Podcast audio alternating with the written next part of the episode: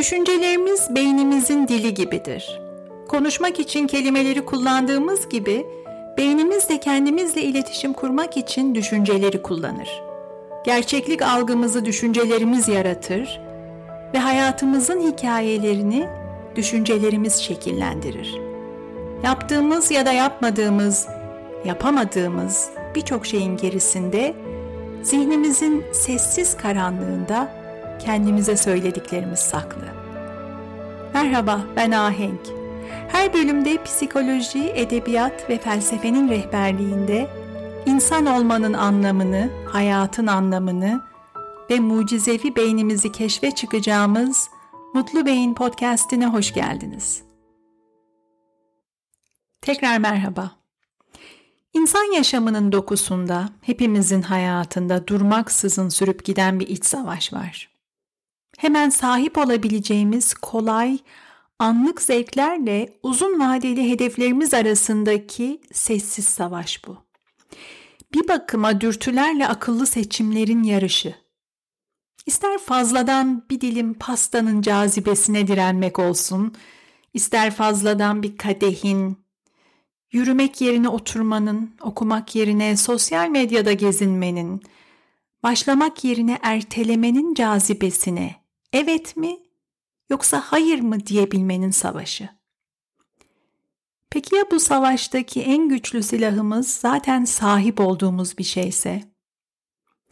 Dürtüsel kararlara karşı sahip olduğumuz en güçlü silah kendi iç sesimiz. Kendimizle nasıl konuştuğumuz. Bir seçim yapıp eyleme geçmeden önceki o kısacık anda kendimize kurduğumuz cümleler. Her zaman farkında olmasak da hepimiz kafamızın içinde durmadan kendimizle konuşuyoruz. Zihnimiz çoğu zaman dalgalı, çalkantılı bir düşünce denizi.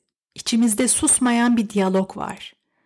Düşüncelerimizi yansıtan, dünyada, hayatımızda olan biteni hikayeler üzerinden anlamlandıran, duygularımızı yaratan ve davranışlarımızda yön veren bir iç ses bu.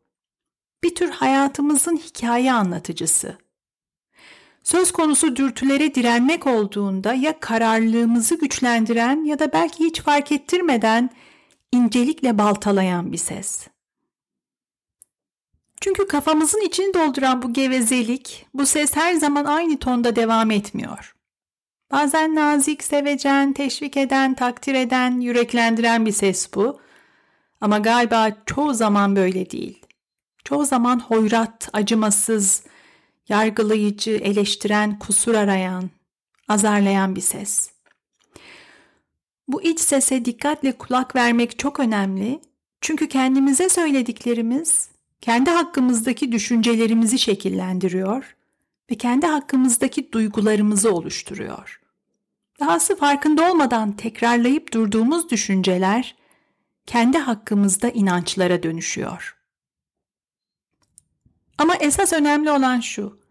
Kendimizle konuşma şeklimiz, kendimize söylediklerimiz sadece kafamızın içinde kalmıyor. Kafamızın içinde olup biten ve yalnızca iç dünyamızı etkileyen bir durum değil bu.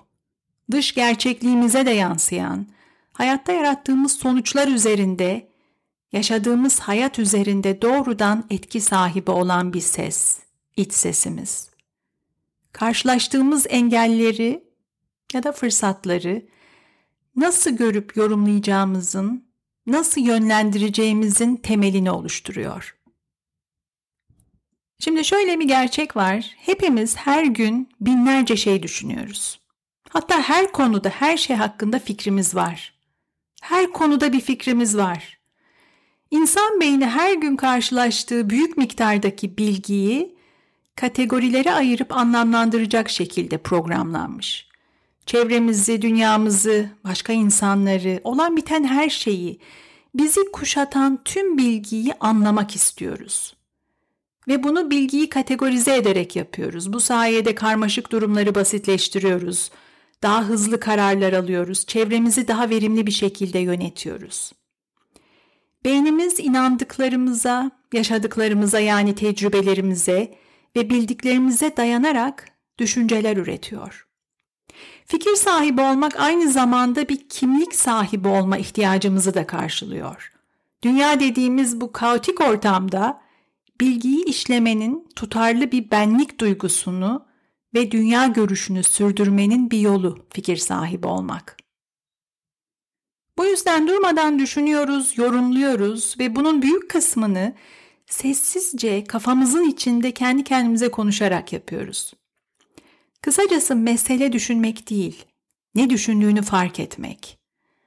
Çünkü hayatımız üzerinde esas güç sahibi olan düşünceler fark etmediğimiz düşünceler. Fark etmeden düşünmeye devam ettiğimiz, sorgulamadan benimsediğimiz, düşüne düşüne alıştığımız düşünceler. En başta dürtülerle akıllı seçimlerin, bilinçli seçimlerin mücadelesinden bahsettim. Her gün iğnelenen bir mücadele bu hayatımızda. Peki bir dürtüye evet veya hayır demeden önce, bir seçim yapmadan önce İç sesimize kulak vermek ve kendimize ne söylediğimizi, nasıl düşündüğümüzü fark etmek niçin önemli?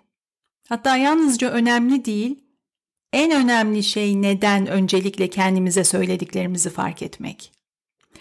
Bunun çeşitli sebepleri var ama temel sebebi şu. Yaptığımız her şeyin gerisinde, her eylemin gerisinde bir duygu, her duygunun kaynağında o duyguyu yaratan bir düşünce var. İkinci bir dilim daha alsam mı almasam mı? Spora bugün başlayacağım demiştim ama yarına mı bıraksam? Yarın daha mı iyi olur? Yarın daha çok vaktim var. İşleri şimdi mi bitirsem yoksa ertelesem daha mı iyi?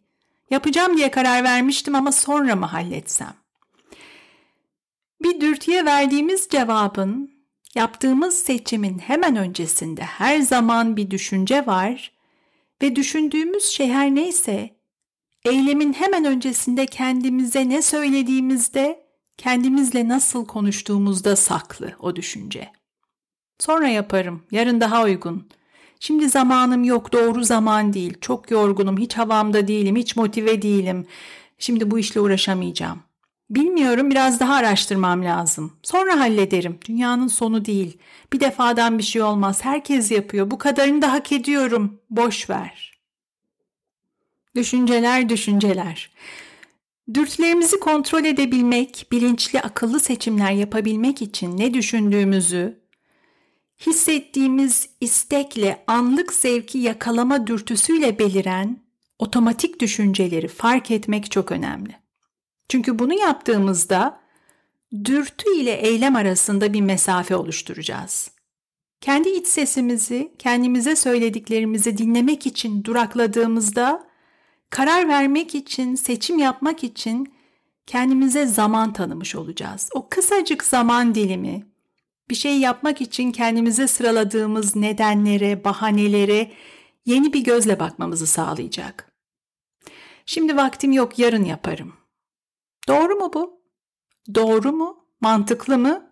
Faydalı mı? Kendi iç konuşmamızı izlemek, zihnimizin içine bir el feneriyle bakmak gibi zihnimizin işleyişine ışık tutmak gibi. Çünkü kafamızda sürüp giden konuşmayı aktif olarak gözlemlediğimizde dürtülerimiz hakkında kendimize anlattığımız hikayeleri göreceğiz. Uzun vadeli hedeflerimize, amaçlarımıza ulaşmak için gerçek değerlerimizle bizim için esas önemli olanla uyumlu seçimler yapmak için bir farkındalık yaratmış olacağız. O duraksama anı, durup kendini dinleme anı sihirli bir an. Bunu laf olsun diye söylemiyorum. Gerçekten böyle. Mesele bir şeyi düşünmek değil. O düşünceyle ne yapmaya karar verdiğimiz. Bir sonraki adımda ne düşünmeyi seçtiğimiz. İlk adım dürtünün, isteğin ortaya çıktığı anda farkına varmak.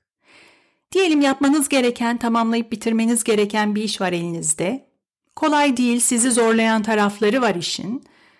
Zorlandığınız anda eliniz telefonunuza gidiyor ve sosyal medyaya girmek istiyorsunuz. Çalışmak yerine Instagram'a bakmak istiyorsunuz. Dürtü bu. İşte ilk adım bu dürtüyü, bu isteği fark etmek. Ya da yemekten kalktınız, toksunuz, karnınızı doyurdunuz ama tatlı bir şey çekti canınız. Bir parça çikolata yediniz, yetmedi daha fazlasını istiyorsunuz. Dürtü bu. Daha fazlasını yemek, bütün paketi yemek. Önceliğimiz bu işte. Bu dürtüyü, bu isteği tüm fiziksel işaretleriyle, hisleriyle fark etmek. Bastırmaya çalışmadan, kovalamadan. Farkına varmak ve duraksamak. Bir nefes alıp kendine kısacık bir an için bile olsa zaman tanımak. Ne hissediyorum? Şu anda vücudumda ne hissediyorum? Bu hisle durabilir miyim? Hissettiklerime tahammül edebilir miyim?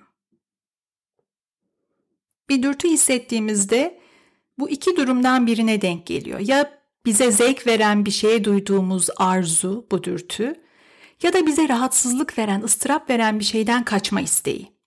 Deminki örneklerde olduğu gibi çalışırken zorlandığımızda telefona uzanıp sosyal medyaya bakma dürtüsü mesela. Ya da çikolatadan aldığımız zevki yeniden yaşamak için bir parça daha, bir parça daha yeme dürtüsü. Dürtüler söz konusu olduğunda duygusal faktörler de çok etkili. Genellikle stres, kaygı, can sıkıntısı, üzüntü gibi negatif duygular tarafından tetikleniyor dürtüler. Duygusal sıkıntıyı hafifletme, duygusal sıkıntıdan uzaklaşma arzusu dürtüleri daha yoğun hale getiriyor. Dürtüye boyun eğip hemen eyleme geçmek yerine durup bir nefes almanın ve ne hissediyorum diye sormanın bir başka faydası da bu. Çünkü dürtüler bir aciliyet hissi taşır. Hızla hemen harekete geçmeye çağıran bir aciliyet duygusu vardır dürtülerde. Ne hissediyorum? Hangi duygudan kaçmaya, uzaklaşmaya çalışıyorum? Bana zor gelen ne? Bunu sorduğumuzda gerçekte ne hissettiğimizi fark etmek için kendimize bir alan açmış olacağız. Duyguyu fark etmek, mümkünse isimlendirmek, duygunun üzerimizdeki gücünü bir parça azaltacak. Ve bunu da kendimizle konuşarak yapacağız aslında, iç sesimizle yapacağız. Her şeyde olduğu gibi hissettiğimiz duygular hakkında da hikayelerimiz var. Şu anda ne hissediyorum sorusu kadar faydalı bir başka soru daha var. Diyelim hissettiğim duygu endişe, endişeliyim. Soru şu. Ne olmuş endişe hissediyorsam? Ne olmuş yani? Hissettiğim duyguyu küçümseyerek sormuyorum bunu. Merakla soruyorum. Gerçekten ne olmuş endişe hissediyorsam? Endişe duymayı zor hale getiren ne? Bu duyguyu tecrübe etmek benim için neden bu kadar rahatsız edici? Neden bu kadar zor? Endişe duymak benim için ne ifade ediyor? Gerçekten merakla ve anlama isteğiyle bunu sorduğumuzda bakalım nasıl cevaplar bulacağız? Bulduğumuz cevaplar belki de bu duygunun sandığımız kadar güçlü olmadığını gösterecek. Neydi? Bir dürtü hissettik. Dürtünün yarattığı aciliyet duygusunu duraksayıp nefes alarak yavaşlattık. Dikkatimizi vücudumuza odakladık ve ne hissettiğimizi, hissettiğimiz duyguyu işaretleriyle bulduk, fark ettik. Duygunun gücünü sorguladık. Aklımıza gelen ilk düşünceye teslim olmadık, kendimizi dinledik. Yapabileceğimiz bir şey daha var. Kendimize sorabileceğimiz çok etkili bir soru daha var. Bu duygunun karşısında kendim için ne yapabilirim? Endişeliyim, endişe duyuyorum. Endişeliyken bana ne iyi gelir? Bu duyguyu yaşarken kendimi nasıl koruyup kollayabilirim?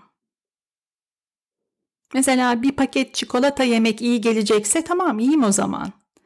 Ya da zor bir işin yarattığı stresin çaresi işi yarım bırakıp bir saat Instagram'da vakit harcamaksa, bana iyi gelecek olan buysa o zaman öyle yapayım. Ama bunlar gerçekten iyi gelecek mi acaba? İhtiyacım olan bunlar mı? Yoksa yalnızca geçici bir rahatlık sağlayıp sonra bir de hissettiğim zor duygunun üstüne pişmanlık mı ekleyecek mesela? Kısacası anlık bir zevk, kolay bir zevk için yaptığım seçim hayatımda gerçekten istediğim sonucu yaratacak mı? Psikolojide meta biliş, üst biliş diye bir kavram var. En sade tanımıyla düşüncelerin hakkında düşünebilme becerisi bu. İnsan beyninin üstün niteliklerinden biri. Kendi düşünce sürecini gözlemleyebilmek. Dürtülere direnmek yalnızca dış etkenlere karşı verdiğimiz bir savaş değil. Bu direnci esas yaratan kendi düşüncelerimiz hakkında düşünebilme becerimiz. Bizi gerçekten istediğimiz sonuçlara taşıyacak olan da bir dürtü döngüsüne tutsak edecek olan da kendimize söylediklerimiz. Öncelikle kendimize söylediklerimizi işitmek. Ve eğer duyduklarımız hoşumuza gitmiyorsa onları değiştirmek. Beni dinlediğiniz için teşekkür ederim. Yeni bölümleri kaçırmamak için Mutlu Beyni takibi alın. Her pazartesi görüşmek dileğiyle.